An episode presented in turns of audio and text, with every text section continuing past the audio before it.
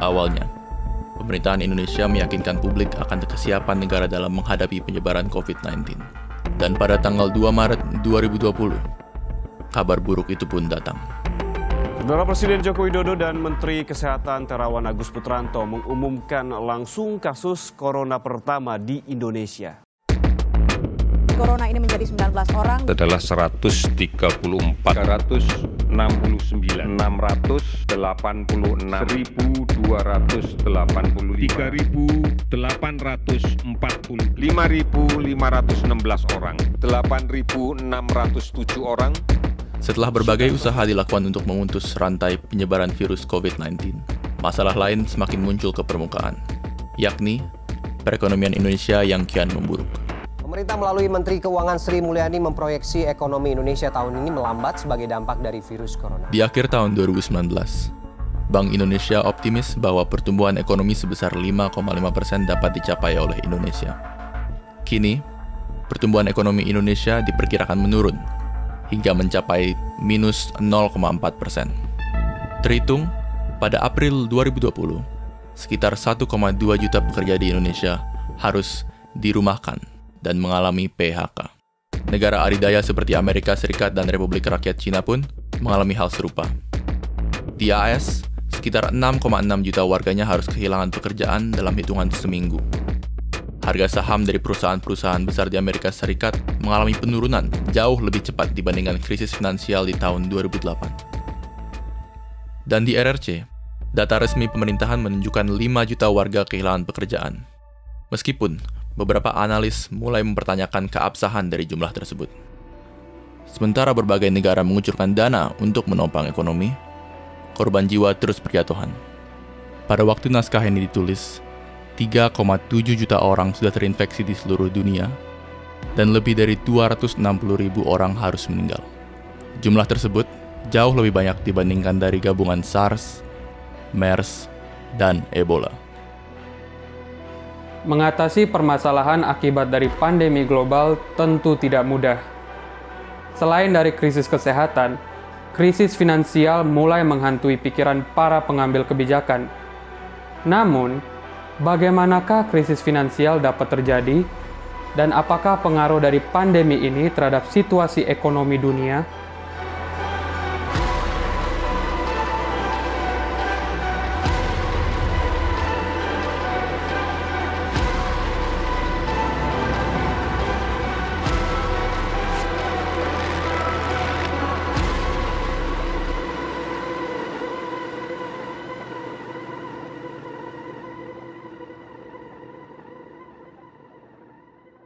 Krisis finansial bukanlah hal yang baru. Indonesia bersama beberapa negara Asia sendiri pernah mengalaminya di tahun 1997. Di Bursa Tokyo hari ini turun tajam. Melemahnya rupiah memberikan pengaruh kepada perdagangan saham. Di tahun 2008, hal serupa terjadi lagi di Amerika Serikat. Bank investasi raksasa Lehman Brothers gulung tikar akibat kredit macet yang menghasilkan kerugian sebesar 6 miliar dolar. Ada satu hal yang menyamakan kedua krisis tersebut. Hutang yang tidak terbayarkan. Perekonomian hanya dapat berkembang dengan meningkatnya transaksi jual dan beli. Mengapa? Karena setiap kali kita membeli barang atau jasa yang dijual oleh pihak lain, pihak tersebut akan mendapat penghasilan tambahan yang kemudian dapat digunakan untuk membeli barang dan jasa yang lain. Dan begitulah seterusnya. Semakin banyak transaksi ekonomi, perekonomian pun akan meningkat rumah tangga, bisnis, bank, dan pemerintahan juga dapat melakukan pinjaman atau kredit apabila uang yang dimiliki tidak mencukupi kebutuhan. Pinjaman ini kemudian harus dikembalikan beserta dengan bunga, atau dengan penyerahan aset tertentu apabila si peminjam gagal untuk membayarnya. Semakin rendah bunga, semakin mudah juga untuk membayar kembali hutang dan sebaliknya. Di tahun 1990 awal, suku bunga yang rendah dan sistem keuangan liberal merambah ke seluruh pasar di ASEAN.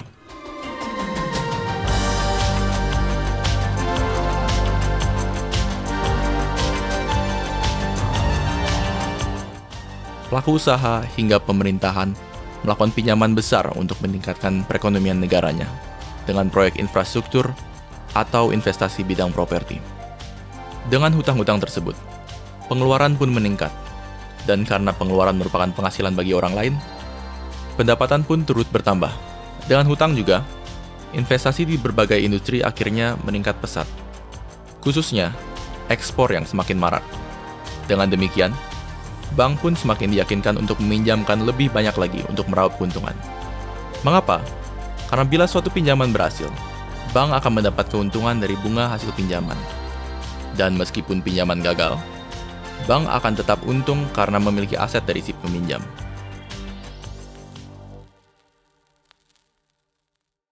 Terbuai oleh euforia, hutang dari berbagai sektor mulai melebihi dari kemampuan membayarnya kembali. Nilai mata uang baht terjun bebas setelah pemerintah Thailand terpaksa mengembangkan baht karena minimnya valuta asing. Tahun 1997, Thailand semakin menunjukkan ketidakmampuan untuk membayar hutangnya. Hal ini mengirim sinyal buruk bagi bank lain yang kemudian menahan pemberian utang. Tanpa utang, pengeluaran menurun, bahkan nyaris berhenti. Dan akibatnya, penghasilan pun ikut menurun. Dengan meruginya berbagai sektor bisnis, kepercayaan investor menurun drastis, dan satu persatu modal investasi meninggalkan Thailand dan negara Asia lainnya. Nilai mata uang lokal pun menurun, dan pemecatan massal mulai terjadi.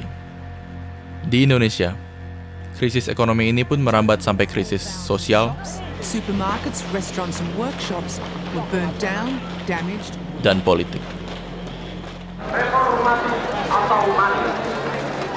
Lalu, tahun 2008, kesalahan yang sama terulang lagi di Amerika Serikat. Kala itu, masyarakat sering meminjam uang dari bank untuk membeli rumah. Sebagai gantinya, bank memiliki surat hipotek. Si peminjam diwajibkan untuk membayar hutangnya kepada siapa pun yang memegang hipotek tersebut. Alih-alih memegang hipotek tersebut, pihak bank justru mengumpulkan berbagai hipotek yang ada dan dijualkan kepada investor dengan harga yang lebih tinggi. Dengan peralihan kepemilikan hipotek, investorlah yang akan menerima iuran dari si peminjam dan yang akan memiliki rumah tersebut apabila gagal dilunasi. Mengingat harga rumah kian meningkat kala itu, hal ini dinyatakan sebagai investasi yang sangat aman. Nyatanya, tidak semudah itu. Jadi sebelumnya, bank memiliki standar sebelum memberi pinjaman. Si peminjam juga harus membuktikan pada bank bahwa dia mampu untuk membayar hutang yang dia pinjam. Contohnya, seorang peminjam harus membuktikan bahwa dirinya memiliki penghasilan 75.000 dolar per tahun sebelum melakukan pinjaman dengan jumlah tertentu. Tentu, dengan standar ini, tidak sembarang orang bisa mengambil pinjaman dalam jumlah yang besar. Ingat, bank dapat meraup keuntungan yang lebih banyak dengan menjual hipotek kepada investor. Pihak bank pun mulai menurunkan standar peminjaman. Penghasilan minimal untuk melakukan pinjaman dapat menurun menjadi 25.000 dolar hingga tidak sama sekali. Semakin banyak orang yang melakukan peminjaman, semakin banyak pula hipotek yang dimiliki oleh bank. Semakin banyak hipotek yang kemudian dijual ke investor, semakin besar keuntungan bank. Karena standar yang diberikan sangat rendah, orang yang sebenarnya tidak mampu untuk mengembalikan hutangnya dapat mengambil pinjaman dalam jumlah yang besar. Akibatnya, satu persatu dari peminjam mulai gagal dalam membayar hutangnya. Awalnya, hal tersebut bukanlah menjadi sebuah masalah, karena meskipun banyak peminjam yang gagal, investor dapat memiliki aset berbentuk rumah dan properti. Namun, rumah yang gagal dilunasi menjadi terlalu banyak. Sehingga, harga dari rumah tersebut menurun sampai menjadi lebih rendah dari harga ketika dibeli. Kerugian dari investasi pun semakin besar, dan berbagai kredit menjadi macet. Krisis pun tak terelakkan. Untuk memitigasi krisis finansial, pemberi pinjaman harus lebih selektif dalam memilih nasabah. Dan bukan hanya itu, hutang yang dipinjam harus digunakan untuk hal-hal yang produktif agar dapat dipertanggungjawabkan. Bagaimana dengan situasi hutang di seluruh dunia terkini? Berdasarkan Institute of International Finance, total hutang di seluruh dunia, baik dari rumah tangga, bisnis, hingga pemerintahan, sudah mencapai 255 triliun dolar AS di tahun 2019. Dibandingkan dengan tingkat hutang pada saat krisis finansial 2008, jumlah hutang terkini sudah mengalami peningkatan sebesar 40% atau 87 triliun dolar AS. Kemampuan untuk membayar hutang-hutang tersebut bergantung pada produktivitas global yang dapat diukur dengan data Gross Domestic Product. Ternyata, jumlah hutang dunia berada tiga kali lebih banyak dari GDP yang ada. Artinya, untuk menutupi hutang tersebut, dunia harus meningkatkan produktivitasnya sebanyak 322 persen. Mungkin jumlah tersebut seharusnya jauh dari membahayakan. Akan tetapi, dengan penyebaran virus COVID-19 dan fakta bahwa vaksin belum ditemukan, justru membuat optimisme tersebut jauh dari kenyataan. Dengan menurunnya aktivitas ekonomi di berbagai negara, kesenjangan antara hutang dan produktivitas akan semakin melebar. Berbagai bisnis, khususnya industri, manufaktur, perhotelan, retail, restoran, pariwisata, jasa, dan lain-lain, semakin merugi setiap hari. Meruginya berbagai industri mendorong investor untuk melihat resiko yang ada di pasar dan berhenti berinvestasi untuk mencegah kerugiannya. Mereka pun bergegas menjual aset yang mereka miliki sehingga nilai aset tersebut menurun. Dengan demikian, perusahaan pun terpaksa untuk melakukan PHK massal. Mereka yang terpaksa kehilangan pekerjaannya dan mereka yang kehilangan pelanggannya akan mendapatkan penghasilan yang jauh lebih sedikit dari sebelumnya. Transaksi ekonomi dan produktivitas pun semakin menurun dan menurun. Dan jangan lupa, melambatnya aktivitas industri manufaktur yang padat karya juga berpotensi menghambat produksi dan distribusi barang-barang yang sangat diperlukan, seperti alat kesehatan yang kini harus diproduksi secara massal. Tidak seperti krisis sebelumnya, pemerintah dihadapkan dengan dilema yang jauh lebih sulit. Apabila kita ingin memutus rantai penyebaran virus COVID-19, kita harus mengorbankan perekonomian kita. Akan tetapi, lalai dalam menghadapi pandemi ini juga dapat berakibat pada korban jiwa yang tidak sedikit, dan ekonomi pun akan terkena imbasnya. Di krisis sebelumnya, ekonomi dapat diselamatkan dengan menurunkan bunga atau mencetak lebih banyak uang. Namun kini, uang sebanyak apa pun tidak akan berguna apabila tidak digerakkan. Ironisnya, untuk menyelamatkan ekonomi dunia, kita harus siap mengalami kerugian yang lebih parah terlebih dahulu.